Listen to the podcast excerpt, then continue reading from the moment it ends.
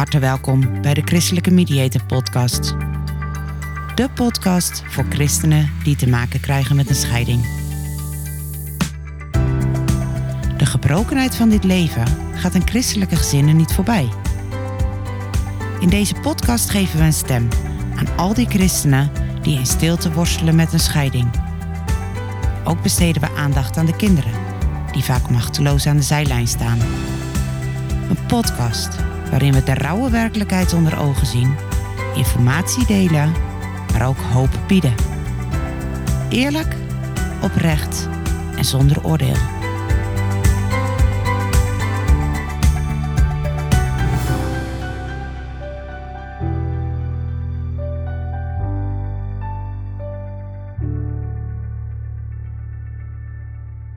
Welkom bij de podcast van Christelijke Mediator. Goed dat je luistert. Ik zit hier aan tafel met Vincent en Pascalle Laban. Beiden zijn ervaringsdeskundigen op het gebied van scheiden en zetten zich al jaren in om andere christenen te helpen bij het verwerken van hun scheiding. Dat doen zij zowel individueel als in groepsverband. Dus nou, je begrijpt het al, ik ben natuurlijk heel benieuwd. Als eerste, joh, welkom. Dankjewel. Fijn dat jullie er zijn. Pascalle, jij bent jaren geleden gestart met het programma, als ik het zo mag noemen, opnieuw op weg. Vertel eens, wat was jouw motivatie om daarmee te starten? Mijn motivatie was dat ik heel veel heb meegemaakt in mijn leven. Ook serieuze, ernstige dingen. Maar waarvan mijn scheiding toch wel uh, het meest heftige was wat ik heb meegemaakt. Ja, dus, dus je zegt van joh, ik heb echt wel de nodige zware dingen meegemaakt. Maar als ik kijk naar mijn scheiding, was dat bij far de moeilijkste periode. Dat vond ik de zwaarste periode in mijn leven. En toen werd ik gevraagd om eh, mee te werken in, uh, in het aanreiken van uh, de cursus Opnieuw op Weg, het programma. En ik denk, oh, daar moet ik zijn. Ja, het voelde gelijk goed? Het voelde gelijk goed. Ik wilde natuurlijk wel het eerst eens meemaken en horen wat het is en wat het was. En toen ik dat las, het was zes jaar na dato uh, dat ik gescheiden was. Dat ik dacht van had ik dit maar eerder gehad, dan had mijn proces uh, op zijn minst met vier jaar kunnen versnellen. Ja, ik ben daar zo meteen uh, zeker nog verder benieuwd naar. Maar ik kan me voorstellen dat de luisteraar zegt opnieuw op weg. Mm -hmm. Vertel eens, mm -hmm. wat is dat? Herstel naar echtscheiding. En dan vooral psychisch en emotioneel en praktisch. Dus het is een programma Mm -hmm. wat je helpt om je echtscheiding te verwerken. Helemaal. En zo'n programma, um, even los van de inhoud, hoe ziet dat eruit? Doe je dat in een groep? Doe je dat individueel? Kan allemaal. Alle varianten zijn mogelijk. Als je geen groepsmens bent, kun je het individueel doen. Als je makkelijk vanuit huis uh, het zelf kan doen, online of offline, kan dat ook. Um, en als je elkaar op een hoger plan wilt tillen, dan is daar de groep uitstekend geschikt voor. Dus er zijn echt diverse manieren ja. uh, om dit programma te volgen, maar allemaal met als doel. Hoe vind ik de weg van herstel? Hoe ga ik, de naam zegt het al, hè? hoe ja. ga ik opnieuw op weg ja. na een scheiding? Ja, dat is exact wat het uh, wil uh, pretenderen. Ja. ja. Hey, en jij bent daarmee begonnen? Ja, ooit uh, gevraagd om mee te werken. En uh, het was bedoeld van de kerk voor de kerk. Maar helaas um, is daar toch niet heel veel van de grond gekomen bij de kerken. Uh, dus toen is het aan mij overgedragen, omdat ik al een zelfstandige praktijk had als coach. En zodoende heb ik dit opgepakt en zet ik het als zelfstandige neer. Ja, dus jij bent ermee aan de slag gegaan. En uiteindelijk is er een punt gekomen waarbij je dacht van... hé, hey, ik wil eigenlijk dat mijn man, Vincent, hier ook een rol in speelt. We zijn alle twee inderdaad uh, niet waar we voor gekozen hebben in een scheiding terechtgekomen. We hebben elkaar leren kennen en uh, we hadden een gemeenschappelijke liefdestaal, hebben we overigens nu nog. En dat is samen dingen doen. En um, hij was nog niet zo lang gescheiden toen ik hem leerde kennen. En daarmee had ik ook wel zoiets van, nou, het is best wel goed om misschien samen die cursus te geven. Ja. Uiteindelijk uh, hebben we daar zoveel positieve reacties op gekregen. We hebben inmiddels uh, 30 groepen achter ons liggen. Ja. Uh, want er zit een kop en een staart aan. Het zijn altijd negen avonden of ochtenden of dagdelen. En hij heeft in die periode heeft hij eigenlijk alle groepen zo goed als meegedraaid. En de reacties die we krijgen uit de groepen is dat uh, ook zijn uh, aandeel in, in de bijdrage van de groepen enorm groot is. Nou, dat, dat, kan ik me heel goed voorstellen. Hoe kijk je daar zelf naar, uh, Vincent? Want je bent op een gegeven moment, Pascal die was enthousiast aan de slag. Die was hard aan het werk om te kijken van... hé, hey, maar hoe kan ik een lans breken? Hoe kan ik... nou ja, als eerste, hoe kan ik een lans breken voor mensen die in deze situatie zitten... Um, maar vooral ook van hoe kan ik deze mensen een stapje verder helpen. In eerste instantie keek je daar vanaf de zijlijn naar. En uiteindelijk kwam Pascal en die zei van... joh, volgens mij is het heel waardevol...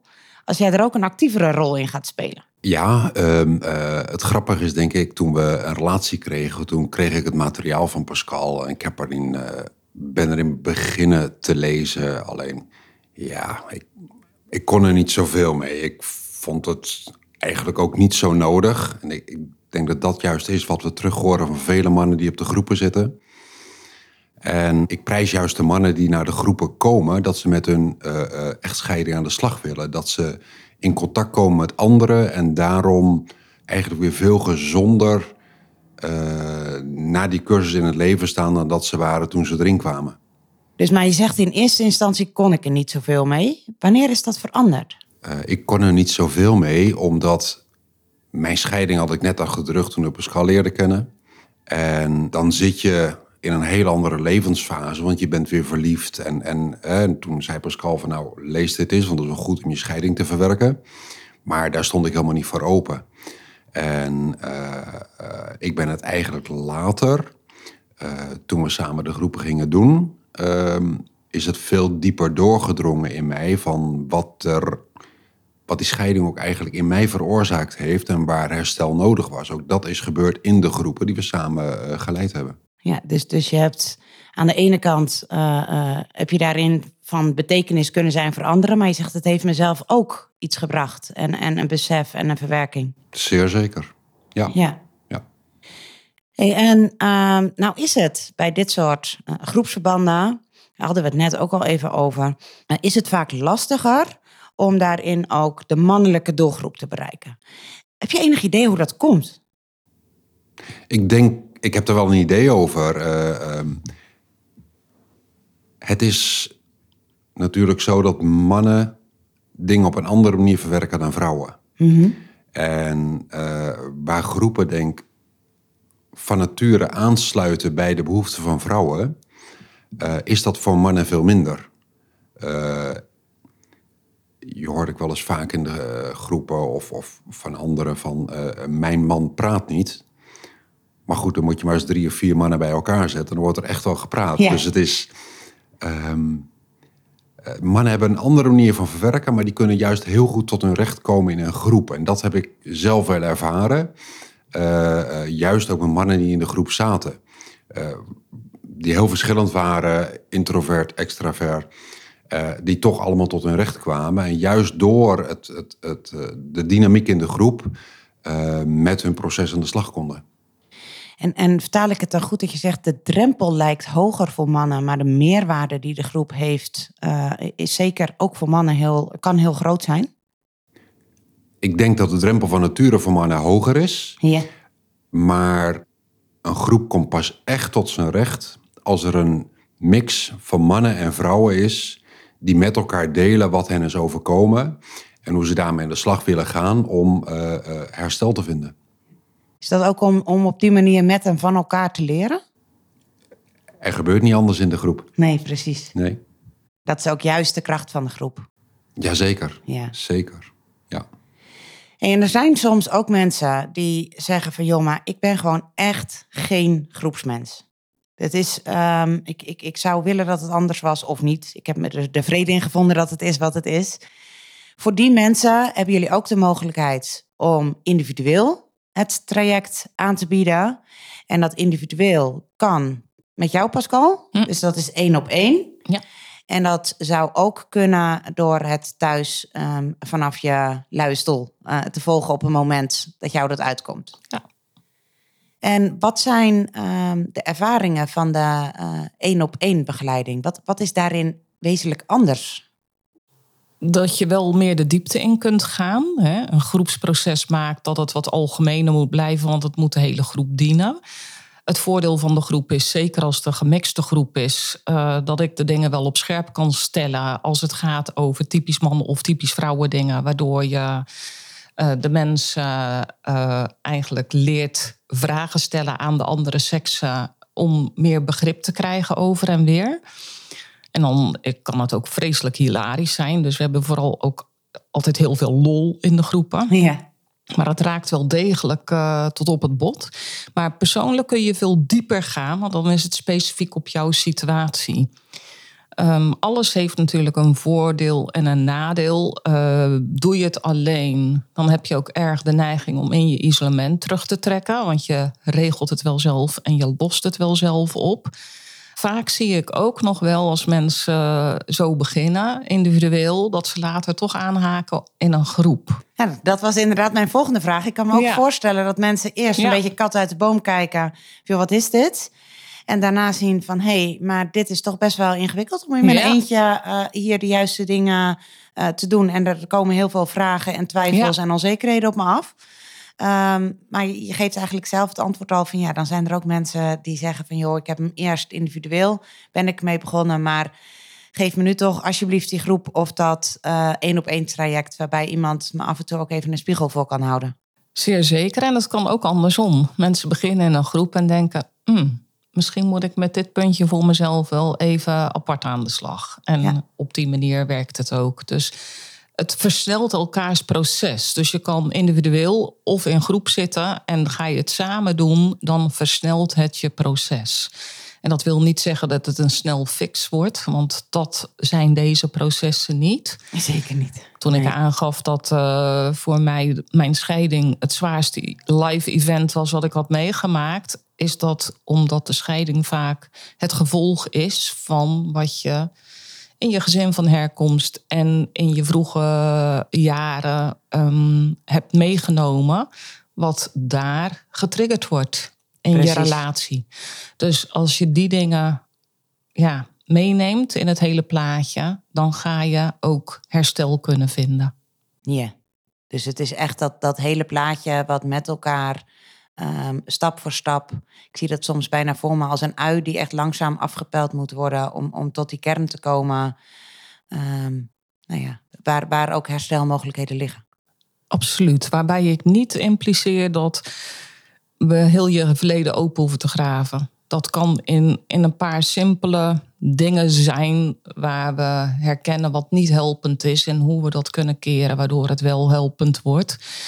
Met name om zelf er niet meer over te struikelen, maar voor, vooral om de volgende generatie, jouw kinderen, ja. en niet over te laten struikelen.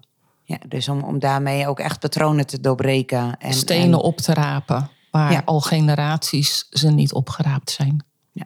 Dus daarmee kan je dus eigenlijk ook heel erg iets geven aan je kinderen... door als ouder hier zelf uh, mee aan de bak te gaan. Al was het maar een goed voorbeeld. Ja. Want een goed voorbeeld doet goed volgen. En nou kan ik me voorstellen dat mensen heel erg benieuwd zijn, wat voor thema's komen er nou voorbij? Want je zei net al van joh, er zijn, uh, het zijn negen dagdelen. Ja. En, en wat voor thema's komen daar voorbij?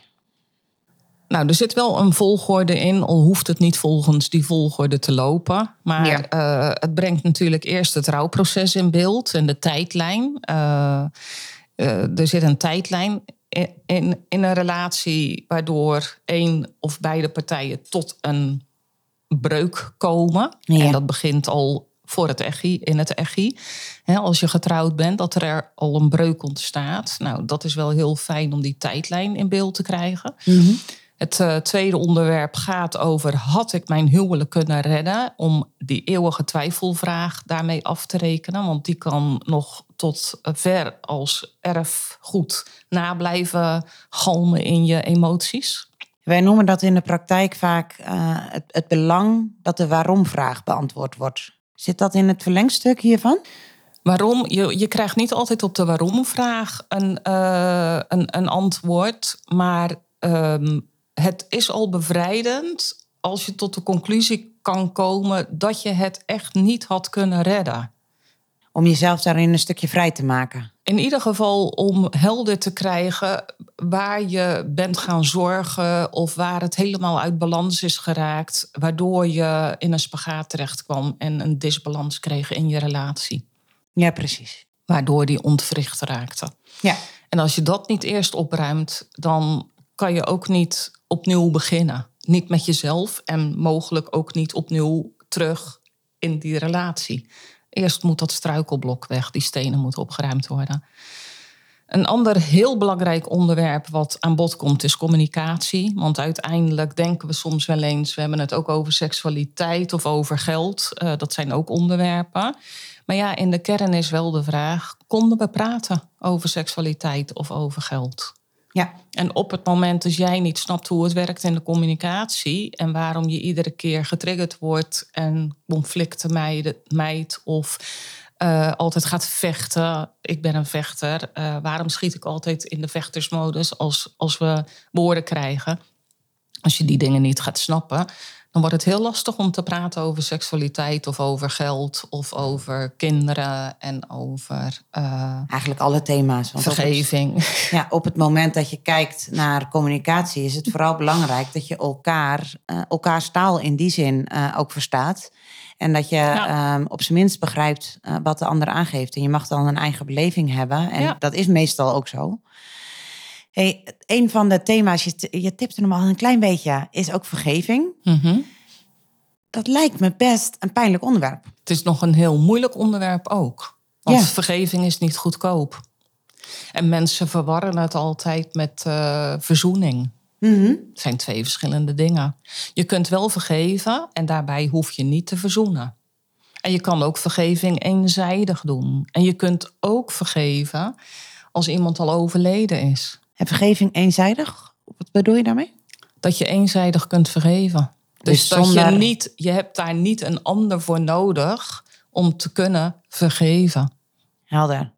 Dus dat je uh, daarmee eigenlijk de afhankelijkheid van de ander uh, los mag laten en zelf uh, aan de bak gaat. Met jezelf. Kijken. Ja, nou dat is uiteindelijk, als ik het goed beluister, is dit hele traject heel erg een, een, uh, een spiegel naar jezelf. En, en te kijken van joh, um, waar kom ik vandaan?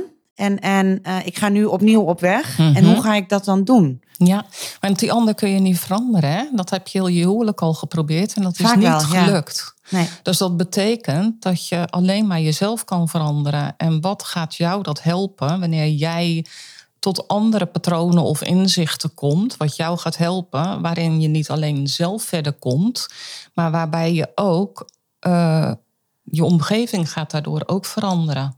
Ja. Dus als jij wil dat je omgeving verandert, begin dan bij jezelf, want die investering die krijg je levenslang mee.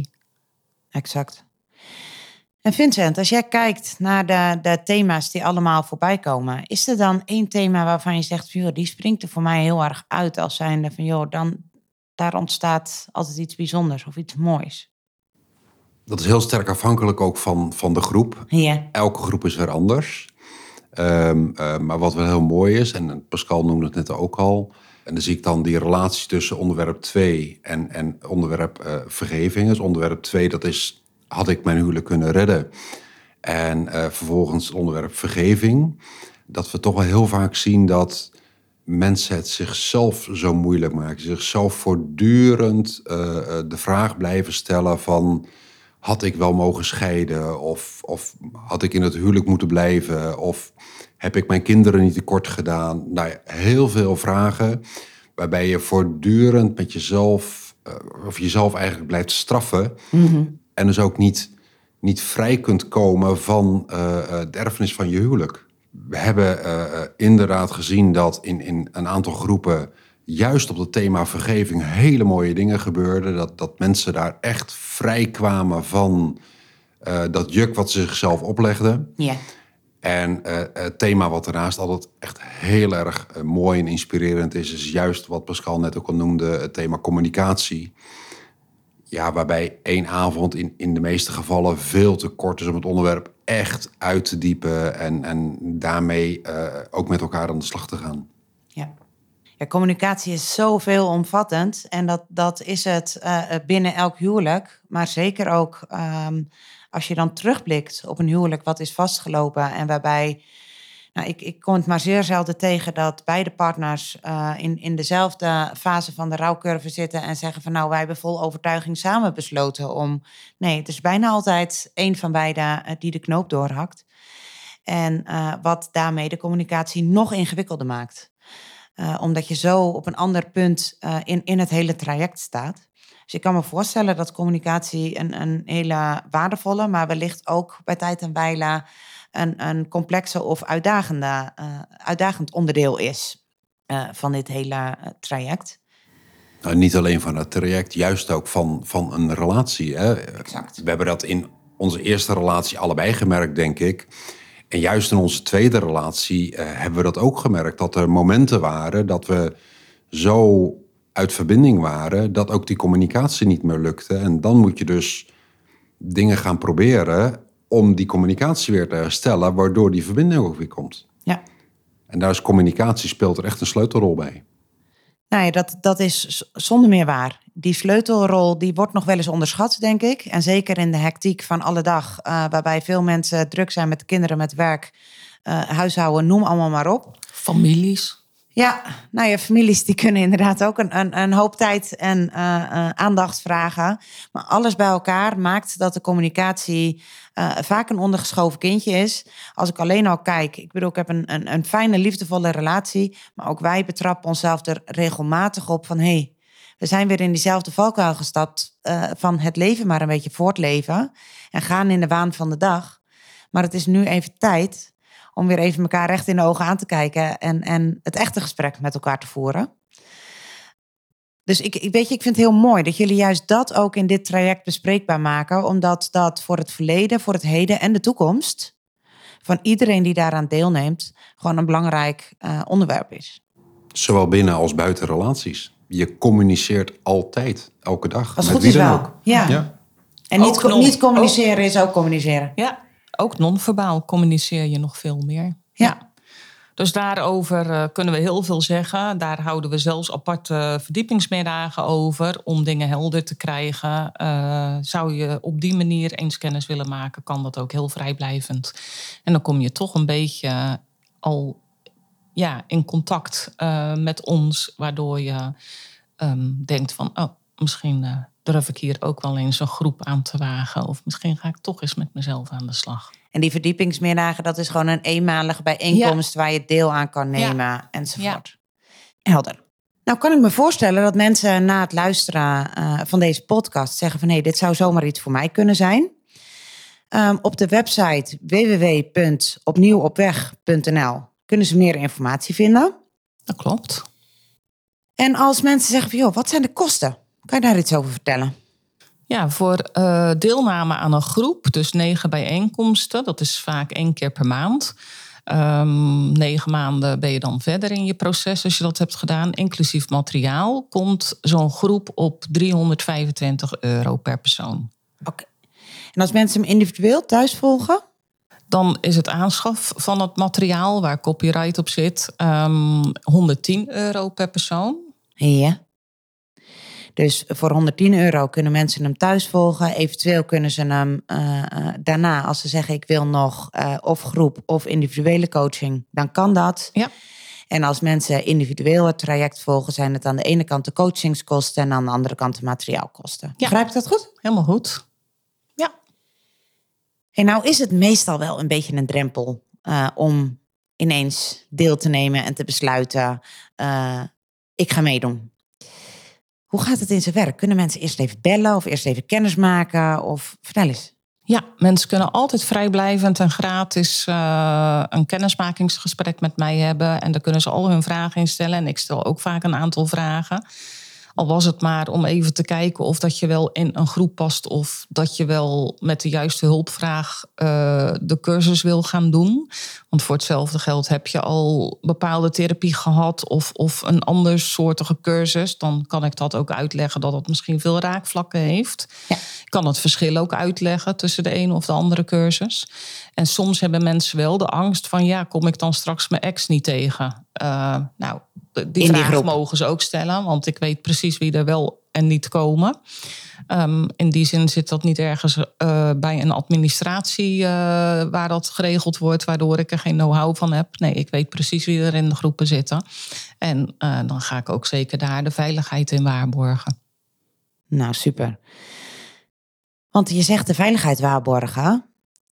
In hoeverre wordt daar in de groep aandacht aan besteed? Want ik kan me voorstellen dat mensen er niet op zitten te wachten dat als ze hun, ik noem het maar even, hun hele ziel en zaligheid op tafel leggen, ehm, dat dat de volgende dag eh, besproken wordt eh, bij, eh, aan de koffietafel op het werk. Hm.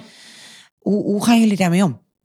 Ja, dat is wel eh, de praktische informatie die we bij aanvang altijd geven. Ja. Dat het eh, zaak is dat mensen integer eh, omgaan met de verhalen die ze horen. En door de band genomen zeggen we dat ook iedere bijeenkomst. Dat wat er hier besproken wordt, dat dat hier blijft. En zo gaan we ook weg waarin we vaak door het onze vader bidden... het weer bij onze vader brengen en daar laten.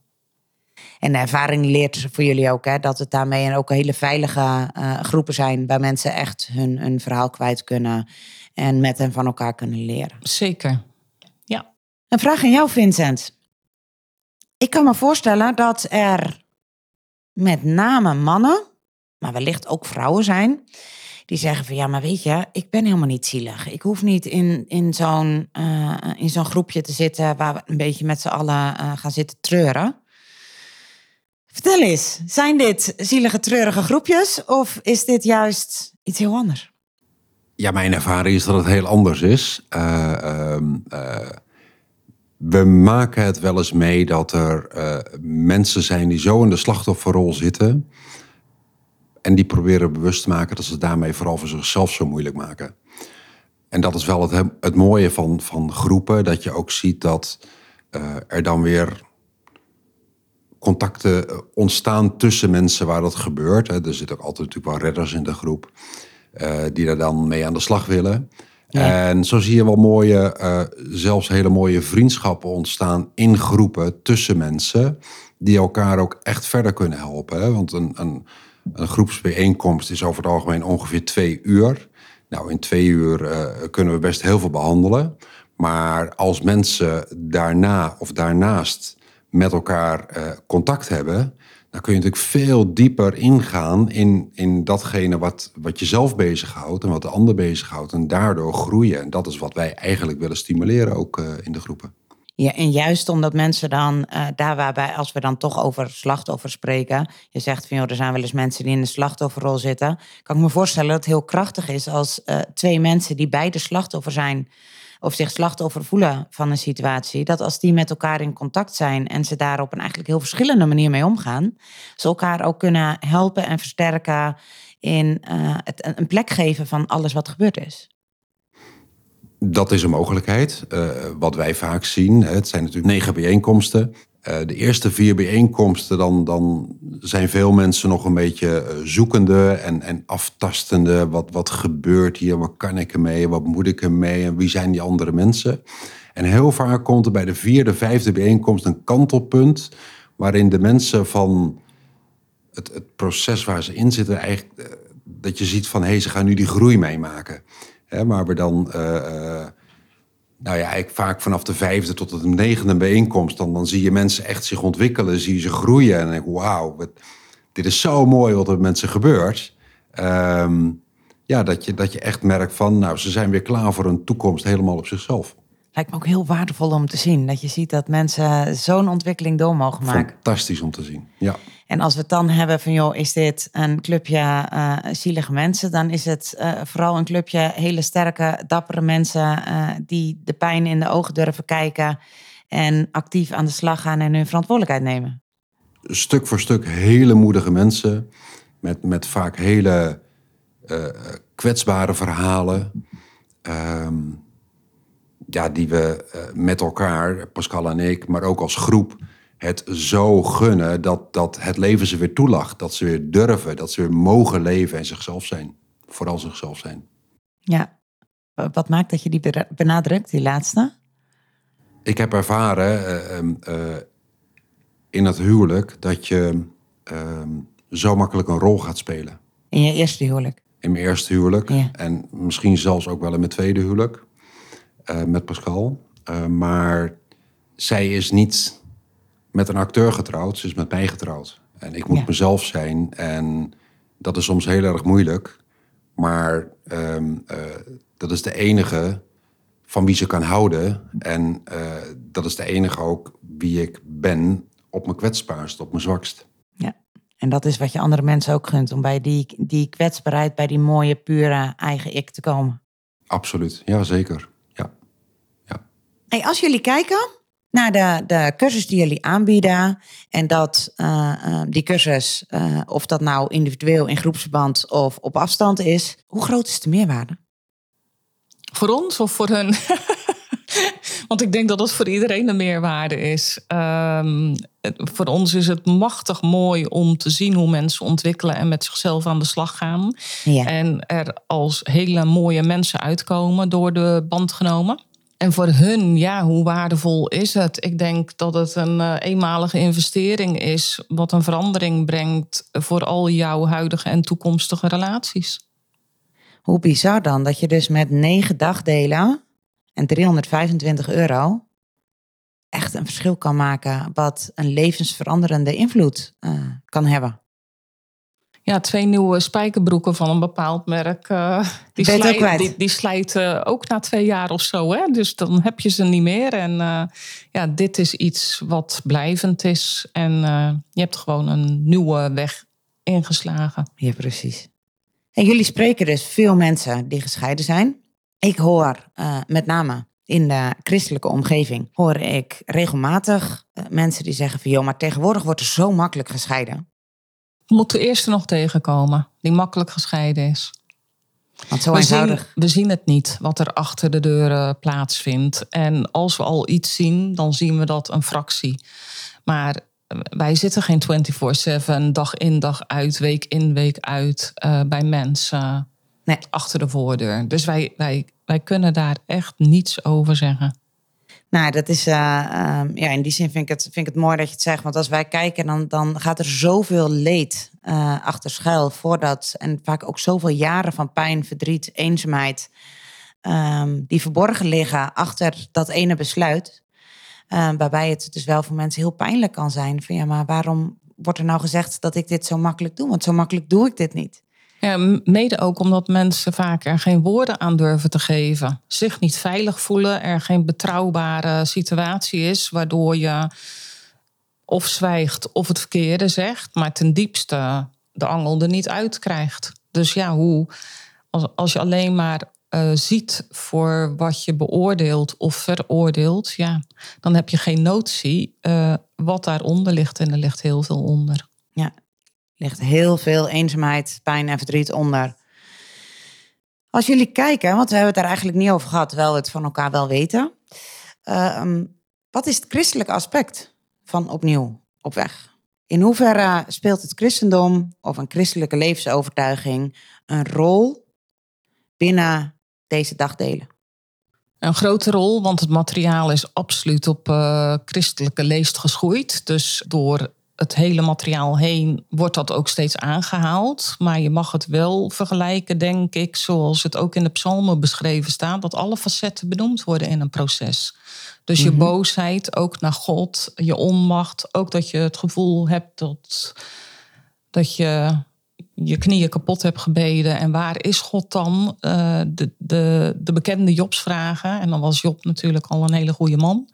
Eh, maar David, eh, die herkent zich ook enorm in... waarom lijkt het iedereen goed te gaan en mij niet? Hè? Dus alle, alle facetten worden wel besproken. Dus het is wel...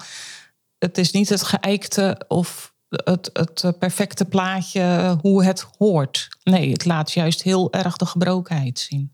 En kan je daarmee eigenlijk ook zeggen van hé, hey, het is eh, opnieuw op weg, is een programma ehm, wat christelijk is en wat in ieder geval heel erg aansluit bij christelijke mensen. Want zijn alle mensen christelijk die deelnemen?